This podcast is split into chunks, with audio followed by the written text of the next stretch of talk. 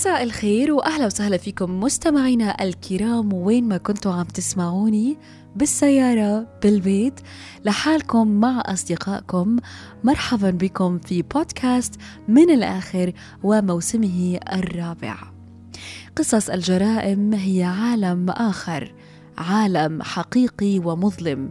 بيقتبسوا منه كبار المخرجين معظم نصوص الدراما السينمائية.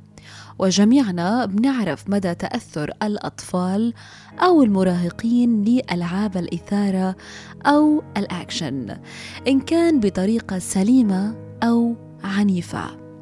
قصة اليوم قصة غريبة عجيبة حصلت في ولاية شيكاغو الأمريكية سميت ب Crime for Fun أو القتل للتسلية. وكالعادة رقم الريفرنس أو المرجع هو رقم الحلقة وتاريخ الجريمة. لذلك قضية اليوم هي رقم اثنان واحد تسعة اثنان أربعة. أي القضية الثانية لسنة 1924 في سنة 1924 وتحديدا في ولاية شيكاغو الأمريكية كان في شابان في سن المراهقة ريتشارد and نيثن الشابان الاثنين كانوا معروفين بأنهم من عائلات ثرية جداً. ريتشارد المراهق الأول كان ابن نائب رئيس متاجر سيرز وهي أكبر أحد المتاجر للأزياء في أمريكا. وصديقه المقرب جدا نيثن لم يكن يقل أهمية أو ثراء عن زميله. الشابان الاثنين كانوا بجامعة هارفارد في ولاية بوسطن الأمريكية. ومعروف عنهم الذكاء الغير طبيعي عباقرة بشكل مخيف. يعني كان عندهم العقل والمال والاستقرار النفسي والمعنوي والجسدي ولا واحد فيهم كان محتاج بإنه يفكر لمستقبله أو مستقبل أحفاده. ومع ذلك قاما في الواحد وعشرين من مايو سنة 1924 بارتكاب جريمة للتسلية وكانت الجريمة الوحشية واللي تميزت بالغباء. وكان دافع هذه الجريمة مبلغ سخيف مقارنة بثرائهم الفاحش واللي هو طلب فدية بمبلغ عشرة آلاف دولار فقط. والدافع كان مجرد دعابة وتسلية كنوع من الإثارة ريتشارد ونيثن على قد ما كانوا مثقفين وحياتهم كلها دراسة في دراسة وعلى قد ما كانوا عباقرة كانوا مؤمنين جدا بنظرية فريدريك نيتشه وهو فيلسوف ألماني وكاتب مقالات وناقد ثقافي. المعروف بهذا الفيلسوف بأنه نظرياته مثيرة للجدل وفلسفته دائما بتكون مستهدفة للعباقرة. بدليل إنه أفضل وأحسن جامعات العالم كانوا بيدرسوا نظرياته للطلاب لأنه مؤمن انه نظريته ما رح يفهمها إلا العباقرة. ومن ضمن هذه النظريات إنه العبقري ما لازم يردعوا أو يحكموا. دين أو إله أو عادات وتقاليد أو حتى قانون الدولة. ووفقا لفريدريك المجرم هو إنسان قوي وطموح. وبتشير هذه العبارات إلى أن هناك شيئا قويا بطبيعة المجرم على حسب نظرية فريدريك. وحتى وإن ارتكب المجرم أي جريمة على أولتو فهو قادر على إخفائها ولا يمكن للقانون أن يلتفت إليه بسبب ذكائه الخارق. فريتشارد ونيثن كانوا كتير معجبين في هذه النظرية أو الفلسفة واللي نوعا ما بشرتهم بأنهم السوبر مان أي جميع هذه النظريات بتنطبق عليهم. كان ريتشارد بيعتبر نفسه من المتفوقين. ونيثن كان شبه عبد لصديقه ريتشارد مع أنه ذكي كتير وثري ولكنه كان معروف بأنه قصير القامة وضعيف البصر وكان مكتفي بأنه يتبع صديقه ريتشارد. فكر ريتشارد بجريمة قتل للتسلية وقال بما أننا عباقرة تعال خلينا نجرب نظرية فريدريك وخلينا نفكر بجريمة قتل كاملة والقتل دون أي دافع وطلب فدية للتضليل ولكن من هو الضحية؟ مين رح نختار؟ وقع القرار على بوبي فرانكس بوبي فرانكس هو يعتبر مراهق أو شبه مراهق عمره 14 سنة ابن أحد أصحاب الملايين في ولاية شيكاغو.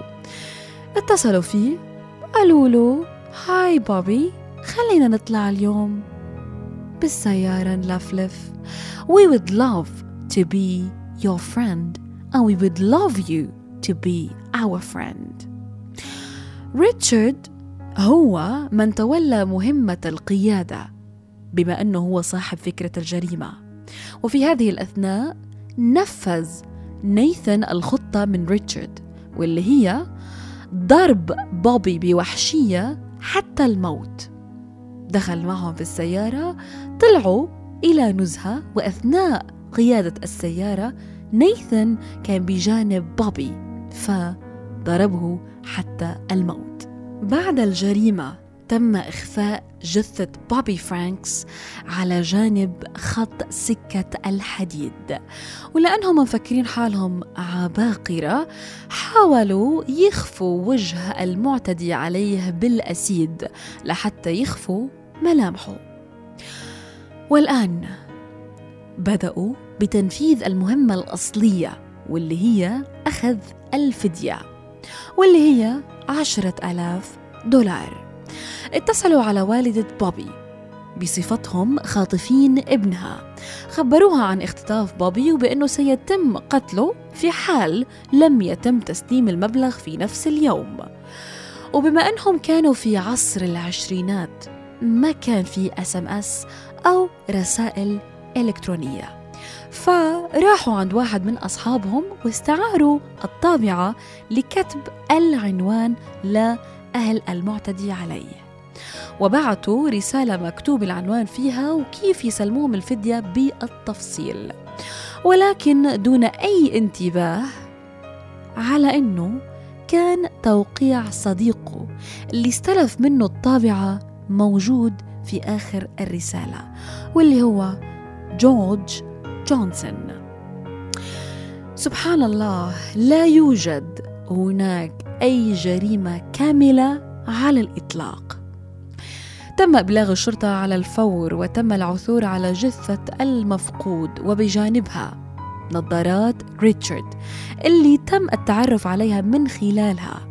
وهذا لأنه نوع عدسات النظارة نادر جدا لأنه إنباع من هذه النظارة أو العدسة ثلاث قطع فقط في ولاية شيكاغو تم التواصل مع البائع وحققوا وعرفوا أنه ريتشارد هو مالكها. وبالتحقيق طبعا من الأمر تبين أيضا أن ريتشارد هو من كتب الرسالة من آثار ال DNA إضافة بالتحقيق مع جورج جونسون صاحب المطبعة واعترف وقال yes ريتشارد اللي أخذها مني. مسكوا ريتشارد ونيثن وحققوا معهم وعملوا استجواب مكثف.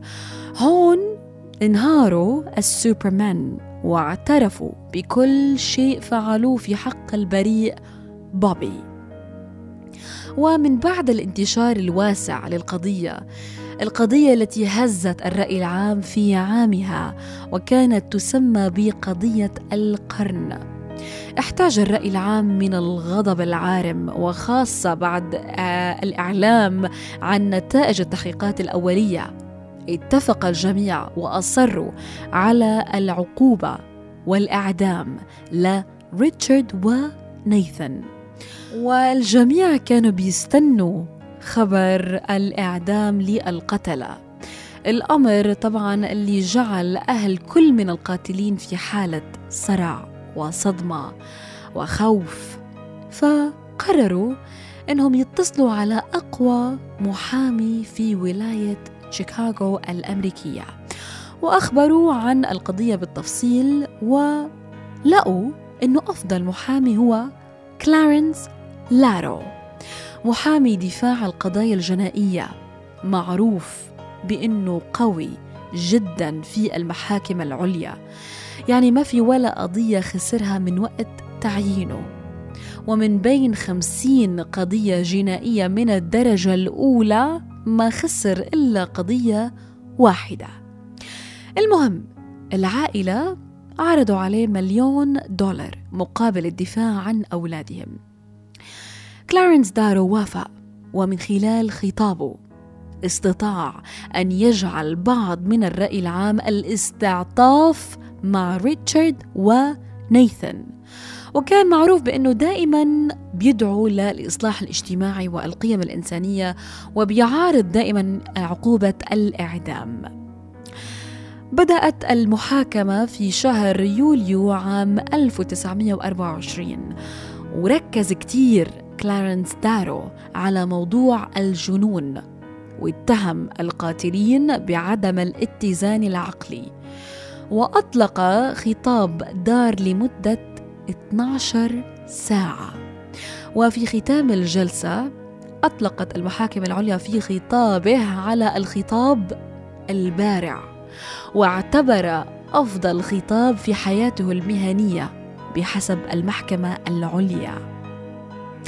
كلارنس دارو قدم في الجلسة الأولى شهادة وقال سيدي القاضي كيف يمكن وصف عمل كهذا بغير الجنون؟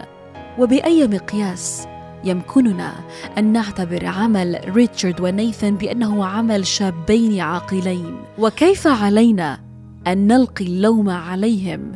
وهم متأثرين بالمنهج الدراسي وعلى رأسه نظرية فريدريك التي تحرض العباقرة والأذكياء بفعل الوحشية والإجرام والهروب منها دون أن يكون عليهم أي تضليل من قبل القانون أو الدين. هذا ما علمتم أبناءنا وهذا ما أنشأتم في أعماقهم. أنت عبقري؟ فأنت سوبرمان. تقيدا بعقيدة إن عشت فعش حرا. واستكمل كلارنس دارو خطابه بالتغلب على الكراهية بالحب وقال هل لديهم أي حقوق يا فضيلة القاضي؟ لماذا تكون أسمائهم الفخمه وجميع أجيال المستقبل التي تحملها مكتوبة على هذا الشريط الشرير؟ كم من الأولاد والبنات كم من الأطفال الذين لم يولدوا بعد سيشعرون بها؟ إنه أمر سيء بما فيه الكفاية. وكما يعلم الله إنها سيئة بما فيه الكفاية. ولكنني أطلب من حضراتكم أن لا نعمل بالمثل مع هؤلاء العائلات الشريفة وأن نحميهم من وصمة العار. كيف لنا أن نقتدي بالعدالة ونظلم أحدهم الآن يجب علي أن أقول كلمة واحدة ثم سأترك هذا الأمر معك حيث كان ينبغي أن أتركها منذ فترة طويلة. لا أحد منا يعيب الجمهور. المحاكم ليست كذلك وهيئة المحلفين ليست كذلك. وضعنا ومصيرنا بين يدي المحكمة المدربة معتقدين بأنها ستكون أكثر انتباها. ولكن يا فضيلة القاضي ما يطلبونه قد لا يحسب. أنا أعلم الطريقة السهله أعلم إن المستقبل معي ومع ما أدعمه هنا. ليس فقط لحياة هذين الفتيين البائسين ولكن لكل أولاد وبنات المستقبل ولجميع الشباب وإلى أقصى حد ممكن لجميع كبار السن. أنا أتوسل للحياة والتفاهم والإحسان واللطف والرحمة اللانهائية التي تراعي الجميع. أتوسل أن نتغلب على القسوة بلطف والكراهية بحب وأنا أعلم أن المستقبل في جانبي. سيدي القاضي أنت تستطيع أن تعلق هؤلاء الشابان من رقابهم حتى الموت ولكن في القيام بذلك سوف تحول وجهك نحو الماضي فأنك تجعل الأمر أكثر صعوبة على أي فتى آخر في الجهل والظلام. فالقيام بذلك سوف يجعل الأمر أكثر صعوبة بالنسبة للأطفال الذين لم يولدوا بعد. يمكنك حفظها وتسهيل الأمر على كل طفل يقف في وقت ما حيث يقف هؤلاء الأولاد سوف تسهل الأمر على كل إنسان ورؤية مستقبل أفضل. أنا أدافع عن المستقبل. أنا أتوسل إلى وقت لن تتحكم فيه الكراهية والقسوة في قلوب الرجال. عندما يمكننا أن نتعلم عن طريق العقل والحكم والتفاهم والإيمان إن كل الحياة هذه تستحق الخلاص وأن الرحمة هي السمة العالية للإنسان. ولاحقا وتحديدا بعد هاي القضية بالذات حصلت بعض التعديلات في ولاية شيكاغو الأمريكية على تغيير أحكام الإعدام خاصة ضمن شروط معينة من إعدام إلى سجن مؤبد. ولذلك تم تبديل حكم الإعدام للمتهمين ريتشارد ونيثن بالسجن إلى مدى الحياة. أنصفهم المحامي وأنصفتهم محكمة العدالة ولكن بعد مرور بضع من الأعوام أنصف الله بعدله ورحمته بوبي فرانكس بقتل ريتشارد على يد أحد السجناء أثناء حبسه وإصابة نيثن بسكتة قلبية أدت إلى وفاته على الفور. فمن ظلم العباد كان رب العدالة خصمه. بمعنى آخر بشر القاتل بقتله ولو بعد حين. أعزائي المستمعين وصلنا لنهاية الحلقة الثانية. بتمنى تكونوا استمتعتوا فيها مثل ما أنا كتير استمتعت في إعدادها وإخراجها وإذاعتها. شكرا لكم. أراكم الأسبوع القادم الخميس الساعة التاسعة. مساء. بتوقيت أبو ظبي.